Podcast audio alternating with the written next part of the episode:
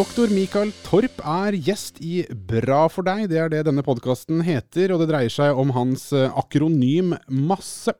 Jeg heter Nils Johan Halvorsen, og nordisk sjef i Herbalife Nutrition, Mia Bergman. Det er jo, som vi har lært i to eh, foregående episoder, masse vi kan gjøre for å ta grep for vår egen helse, men, men masse. Masse er å tenke masse man kan gjøre for å bedre helsa, men ordet masse, eller Bokstavene står for mat, aktivitet, søvn, stress og emosjoner, og det henger sammen, for det er snakk om hele helsa di. Mm. Og nå skal det i hovedsak dreie seg om noe jeg vet du er opptatt av, Mia, nemlig søvn. Søvn er viktig for restitusjon og en god eh, psykisk helse. Mm. Men Mikael, syv til ni timers søvn det er jo anbefalingen fra eh, helsemyndighetene at man skal ha som et voksent menneske. Det akkurat det virker for meg, eh, nå som småbarnsfar, ganske urealistisk og helt usannsynlig å oppnå. Mm. Det, det, det kan nok være. Og, og, barn er jo konstruert for å holde foreldrene våkne. Eh, de, de har faktisk en oppvåkningsmekanisme som gjør at vi, vi, vi, vi merker det i mange år. Men det vi vet, er at å ha nok søvn og god søvn, det gjør en enorm forskjell for kroppen. Første del av søvn reparerer kroppen. Siste del av søvn reparerer hjernen. Det, det er sånn planka. Det veldig mange sliter med, er én, de har vanskeligheter med å sovne om kvelden. To, de har vanskeligheter med å få en fast døgnrytme. Tre, de har oppvåkninger på natta. Og de syns det er vanskelig å stå opp om morgenen. Jeg har noen hint og noen råd. Jeg drev søvnlab, og her kommer liksom konklusjonen av det som er viktig. 1. Søvnfasene går i bølger. I gjennomsnitt er det slik da at ca. 1 12 time mellom hver topp av disse. Jeg skulle gjerne ha vist en tegning nå, men saken er at når du går inn i søvn, så går du ned i dyp søvn, som vi da ofte betegner som fase fire. Så første søvnkurven er dyp. Så går du opp igjen til en såkalt rem-fase. Mellom disse toppene så er det ca. 1 12 time. Disse bølgene fortsetter gjennom hele døgnet. Sånn at hvis nå f.eks. jeg oppdager at ungdommen min er litt trøtt, la oss nå si klokka seks, da kan jeg regne meg fram til neste gang han blir trett. Fordi en og en halv time senere så vil han bli trett igjen. Da sier vi halv åtte. Halvannen time etter det så vil han bli trett igjen. Det er klokka ni. For å sovne, hvis du har vanskeligheter med å sovne, så må du ta søvntoget. Da må du faktisk være klar til å sove i det øyeblikk du er Det er mulig. Har du lett for å sovne, så er det ikke noe problem. Men de som har vanskeligheter med å sovne, de bør være i seng, ferdigpussa, lese en kjedelig bok, telefonen skrudd på sovemodus, langt borte fra puta. Og når en da kjenner at den er trett, så sovner en. Feilen mange gjør, er at de sitter i sofaen, ser på TV f.eks., eller holder på med dataspill. Når en kjenner at en er trett og klar til å sove, så skal man bare fullføre det lille spillet, eller se videre på den TV-en, eller fullføre og vaske kjøkkenet, eller hva man holder på med. Og så går man på badet, pusser tennene med stimulerende tannpasta, vasker seg i ansiktet med kaldt vann, for du gadd ikke vente på varmt vann, skrur på masse lys, skifter til pysjamas, sjekker noen e-mailer. Da er søvntoget gått. Da må du vente halvannen time da, til det, er på perrongen. Ja, ikke sant? Og hvis du da legger deg i seng, og da blir stressa over at du må opp i morgen tidlig, og ligger i sengen og er stressa Stress, husk det, det er en reaksjon. Det, det, er faktisk en autonom funksjon som skal beskytte deg mot å bli jagd av løver. ikke sant? Så du kan jo ikke sove med en sabeltanntiger tuslende frem og tilbake utenfor soverommet. Da, da, har du rett og slett ikke gunstige forhold for å sove. da. Mm. Så det viktigste trikset, altså bare vær klar over. Å, fy søren, skal jeg sove i natt også? Det var interessant. Er helt ufattelig hvor uforberedt folk er på søvn hver natt. Jeg synes det, det er, er det noe som er helt åpenbart, så må du sove hver natt. Det er litt som med de der piggdekka og vinterhjula som du skal på. Jøss, blir det snø i år også? Ja, ikke sant? Ja. Så planlegg det. Legg merke til, hvis du merker ikke sant, at 'å, nå var jeg litt trøtt', hm, da kan jeg regne meg fram. Halvannen time fra nå, så kan jeg sove. Og det er for tidlig. Halvannen time til, oi, det passer. Vær i seng og ferdigpussa når søvntoget kommer. Mm. Da kan Du- du, sovne. Mia, uh, Mia Bergman, som jeg anser som Altså, har du lett for å so sovne? Sover du lett? Men du er så god på powernapper. Ja, det er en sånn favoritt jeg har. Eh, Det gjør at jeg eh, holder Det har vel litt sammen med også at jeg kanskje sover litt lite om nettene til tider. Og jeg merker veldig godt at hvis jeg har for mye å tenke på, er stressa, så sliter jeg med å sovne. Det Men gjør- var du klar over den eh, kurven og Nei, her, altså? jeg var ikke jeg synes syns det var utrolig godt råd. Og jeg likte det når jeg begynte å regne med en gang, fordi jeg vet at jeg er på det laveste av min energi rundt halv seks på ettermiddagen. Og da kan jeg regne meg fram til at et søvntog hos meg går halv elleve. Ergo bør jeg jobbe hardt for å være i seng til ti, sånn at jeg finner roen og kan sovne inn halv halv elleve, og ikke halv tolv og kave for å sove, for da har jeg ikke et søvntog, og jeg he- hender ofte at jeg er i seng til halv tolv, og det er for seint. Mm. Du nevner noe veldig artig. Eh, hvis du nå tar som et eksperiment i dag eh, Ta det nå. Ta, ta eksperimentet. Sov når du har regnet deg fram til at det er fornuftig. Legg merke til når du våkner av deg selv neste morgen. Da har du nøyaktig enten syv timer etter at du sovna, eller ni timer etter at du sovna, avhengig av hvor mye tid du tillater deg å sove. Så vil du oppdage at den søvnkurven fortsetter. Hvis du merker deg disse tidspunktene, og stiller inn livet ditt på det Det er funksjoner på de fleste telefoner for det. iPhone har en sånn funksjon. Da, da vil du mer eller mindre komme inn i en god rutine og rytme på søvn. Nobelprisen for fire år siden i medisin gikk til nettopp sånne døgnforskere. Leger som holdt på med det. Og to amerikanere og en australier de fikk nobelprisen for nettopp viktigheten av å stille klokka. Hvis du stiller klokka i huet ditt, da begynner alle de autonome funksjonene og bli koordinert. Du begynner å produsere kortison til riktig tid, du begynner å produsere hormoner som hjelper kroppen din å innstille seg. Har du noen gang prøvd å stå i en charterkø klokka fire på morgenen? Ja, det er helt forferdelig. Er ikke det vondt? Vet du hvorfor det er vondt? Det er fordi det er høydepunktet på kortison. Det er det punktet stresshormonene pøser ut i kroppen.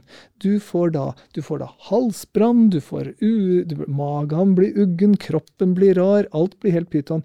Du blir ultrastressa.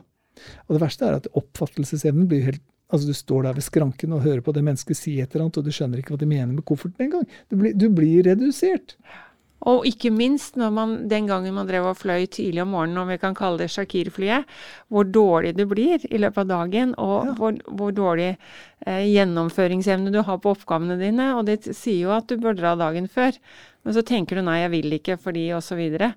Men ja, du har rett, og jeg begynner å regne i hodet. Ok, jeg pleier å stå opp halv syv. Eh, men så kan jeg begynne å tenke etter, er det det riktige tiden i forhold til når jeg legger meg, eller når søvntoget går, da. Nei, det, Men heldigvis er vi slik at vi kan innstille oss på ting. Sånn at hvis du får en god rutine hvor det passer mellom sovetid og våknetid, hvis du får til dette, og det begynner å, å bli fast, da vil kroppen din begynne å innstilles på det, og så ordner det seg fint. En annet problem med soving er folk som våkner i løpet av natten. Tissing, vanligste problem. Er det noe voksne er redde for, så er det tisse i senga. Det er en angst vi har med fra barndommen av, og den sitter dypt i oss. Å, jeg må i hvert fall ikke tisse i senga. Å, fy søren, tenk å tisse i senga. Jeg har møtt 90-åringer som fortsatt er redde for å tisse i senga. Du gjør ikke det. Men er du tissetrengt, så har du drukket for mye i ettermiddag. Folkens, dette er helt enkelt praktisk råd. Må du opp og tisse om natta, så har du drukket for mye Vet du, Er du mann og kommer til fastlegen og sier at du, jeg, jeg, jeg tisser mye om natten, da får du hansken og fingeren i rumpa. Ja, for det, det tenkte jeg umiddelbart, at da er det noen prostataproblemer. Nei, du har for mye vann i blæra! Det er, ikke, det er ikke lukkemuskelen som er problemet. Det er problemet er at du har for mye vann i blæra. Sånn at hvis du drikker te på kvelden, eller at du har den uvanen av at du åh, jeg var så skikkelig tørst, så du kjører innpå to-tre glass vann Folkens, det å være ordentlig hydrert er kjempeviktig, men det er en dagjobb. Det er ikke noe du skal holde på med på kvelden. Du må passe på til frokost. To ordentlige glass vann, en kopp te, en kopp kaffe. Det hjelper også tarmen til å få til avføring. Du må tenke praktisk her. Ikke sant? Hva er det kroppen skal gjøre når du har stått opp om morgenen? Jo, den vil tømme seg. Jo, da kjører du på med vann. Du passer på at du får nok væske til at tarmen kan bli bløt, og du fører til at du får koordinert kroppen, få i gang væskebalansen, få alt i orden, for du skal ut og jobbe. Og så må du ha tid nok til å gjøre dette.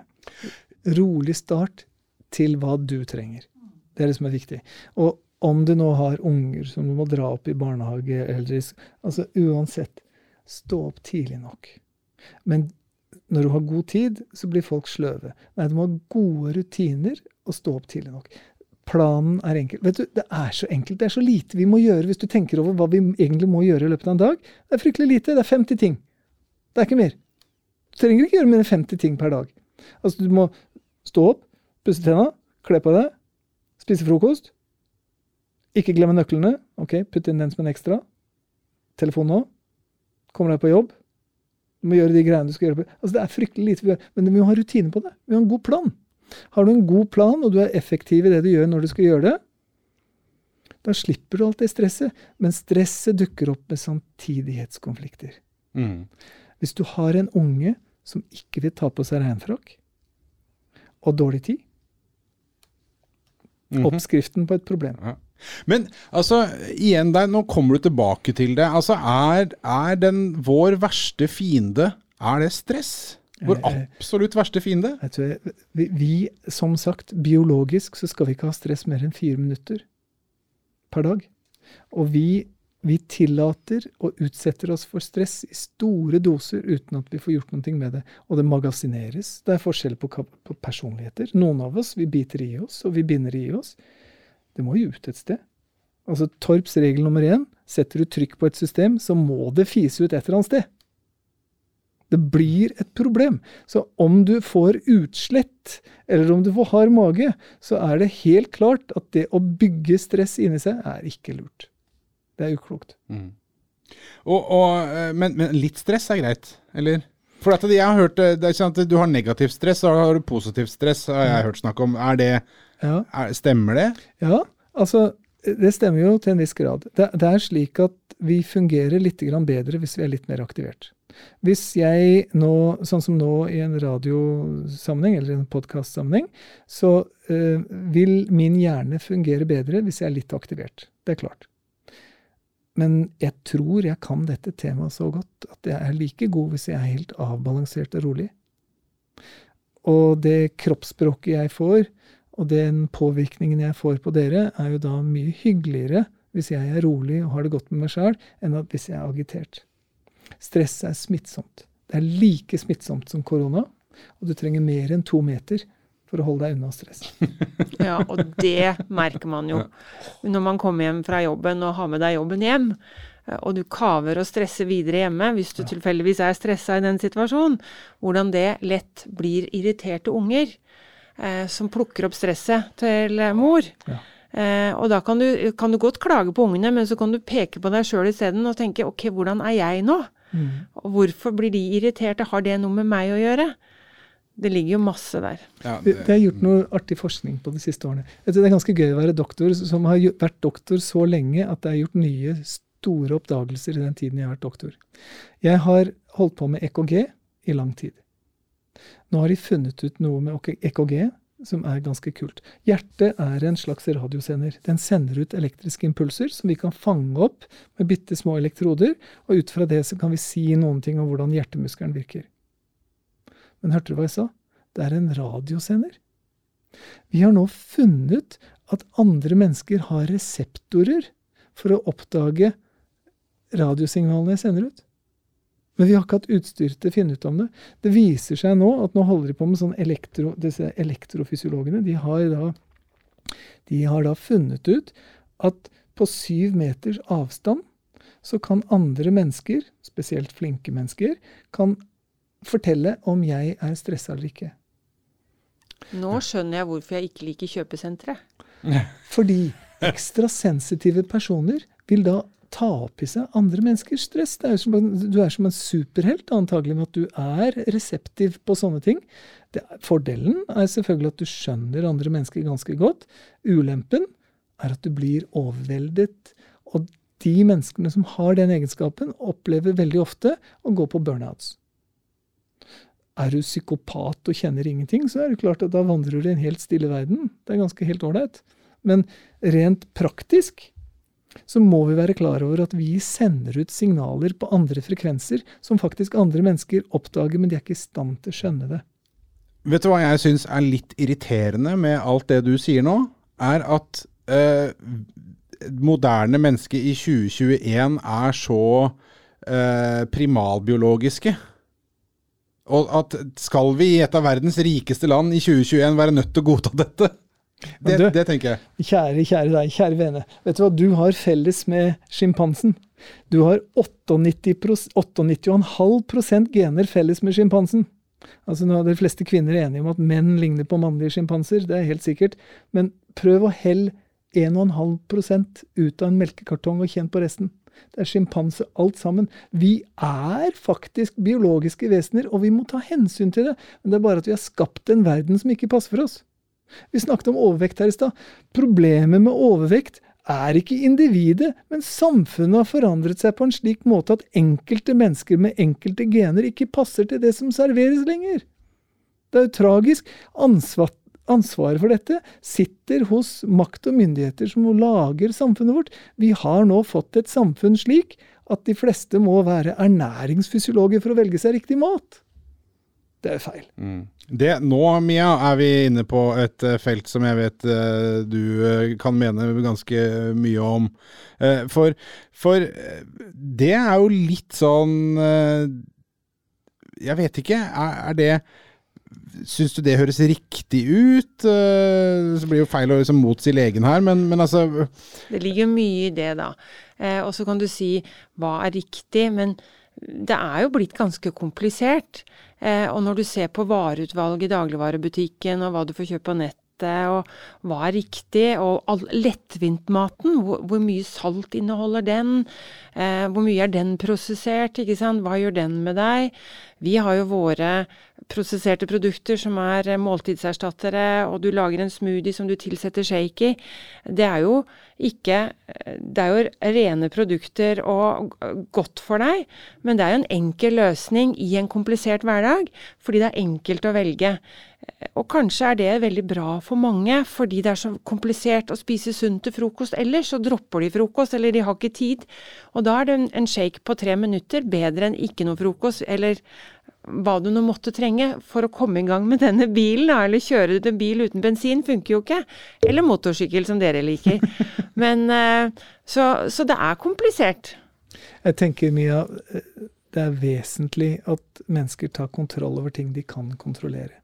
Vi kan ikke kontrollere samfunnet, og derfor så må vi passe på familiene våre og oss selv, vår egen kropp. Eh, det å ha en god plan til å ha fornuftige måltider til riktig punkt, da, da, er jeg veldig for, og jeg er veldig med på at man, man, må velge seg en mattype som man har tid til. Det å tro at moderne mennesker kan lage mat fra bunnen av, det er helt umulig. Det tror jeg ikke er fysisk mulig, i hvert fall ikke når begge, par, begge et ektepar eh, jobber og har barn i et aktivt liv og må kjøres hit og dit. Det, det, blir, det blir gærent. Så da måltidserstattere eh, syns jeg er en veldig fornuftig måte å planlegge Eh, en husholdning. Det tror jeg er lurt. Veldig mange mennesker bruker sukker for å hjelpe seg til til å sove. Og eh, det er ikke overraskende at jeg, altså, jeg, jeg, er ikke overrasket når jeg hører folk stå opp om natta og spise noe sukker for å sove. Ok. Det, er, det hørtes veldig motsatt ut av det jeg på en måte har. Det er ikke lurt, men det viser litt om potensialet ved sukker. Sukker er ganske sterke saker. Uh, på nyfødtavdelinger bruker de sukker som bedøvelse på barn. To dråper sukker i munnen, og barnet slutter å gråte. Det er eh, voldsom effekt. Så sukker har en veldig sterk effekt på oss, og det er ofte noen som bruker og, og syns at de må spise et eller annet for å klare å sove. Det tror jeg er en dårlig vane. Det må man komme seg bort ifra. Det er lurt for kroppen å slippe å holde på med fordøyelse og sånn når du skal sove. Det er greit å få og det er ganske interessant også, som vi også har i vår undersøkelse. Det er mange som sier de, de ikke spiser kveldsmat. Men, eh, men, de legger ikke eh, ordet snacking, eller det å småspise om kvelden, det er ikke kveldsmat. Nei. Men det ligger et stort kaloriinntak på kvelden som folk ikke tenker over. Og det påvirker jo også hvordan du er dagen etter, og hvilket behov du har for sukker neste dag. Nettopp. Så hva du spiser før du legger deg, forteller veldig ofte hva du har lyst på til frokost. Sånn at hvis du da av en eller annen grunn spiser fire knekkebrød med geitost rett før du legger deg, da blir du skikkelig sulten når du står opp. Og det har ikke vært bra for natten din. Litt nøtter. Hvor mange er det ikke som underdriver den størrelsen? Jeg er helt enig med deg. Så det er store mengder mat som kommer inn på den måten. Og egentlig luksusmat og unødvendig. Så apropos den sjokoladen man kunne kutte ned på hver dag og ta bare på lørdager. Det er litt også med hva er det du putter i deg om kvelden, som egentlig er for kosen eller fordi du fyser på noe, og så påvirker det, så blir det jo en ond sirkel. For da spiser du mer etter frokost enn du burde, eller kanskje søtere ting til frokost. Og, så og i tillegg, som, vi, som også blir nevnt uh, i uh, søvnepisoden med Harald Rubo Strøm, tror jeg, snakker vi om at når man er oppe seint, så får man også lyst på et eller annet. ikke sant? Så da har du det hele gående. Og det er hormonelt. Og igjen så begynner du å nærme deg jo seinere du er. Og hvis du da attpåtil Se en situasjon. Ungdommen holder på med dataspill. Det er en ganske stressende opplevelse, og man er fullt konsentrert. Hva skjer når de da stopper med det? Det er oksehunger. Det er kortisol. Kortisol er med på å drive blodsukkeret i været, og gir deg også mer insulin. Og det er også uh, faktisk et problem når det gjelder Da får ikke næringen dit det skal. Så jeg, jeg, tror det er en kjempeviktig ting å, å, la kveld være kveld og roe seg ned. Etter oppfinnelsen av lyspære så forsvant én time søvn per natt per menneske på denne planet. Og så kom blåskjermen, og så forsvant en time til. Mm. Så vi sover to timer mindre nå enn det man gjorde for 150 år siden. Per natt. Og vi stresser mer. Tenk på det, ja. Mm. Men eh, hvis, dette, jeg syns dette er veldig fascinerende. Hvis vi skal begynne å måte, runde av her nå eh, Hvis vi skal masse vi, Og det vi kommer til til slutt her, er én og emosjoner. Vi har vært liksom toucha innom det mange ganger her. Eh, men igjen så kommer jeg tilbake til dette her med at alt henger sammen med alt. Eh, og, og, at liksom Det er Man må, man må navigere her. Men man må også ikke gjøre det så komplisert som du sier, eh, Mikael. Eh, fordi vi gjør det jo gjerne så komplisert, og vi skal være så flinke og intellektuelle. Ja. Og så er det jo midt oppi dagen for oss. Ja. Vi tror ikke vi klarer det, og så utsetter vi det istedenfor å bare ta de små tingene. Ja. Keep it simple. Det er, det er lurt å gjøre ting enkelt. Det er lurt å gjøre ting enkelt. Ta med deg det ut i verden og hverdagen, kjære lytter. Og så setter vi strek for denne episoden av Herbalife Nutritions podkast Bra for deg.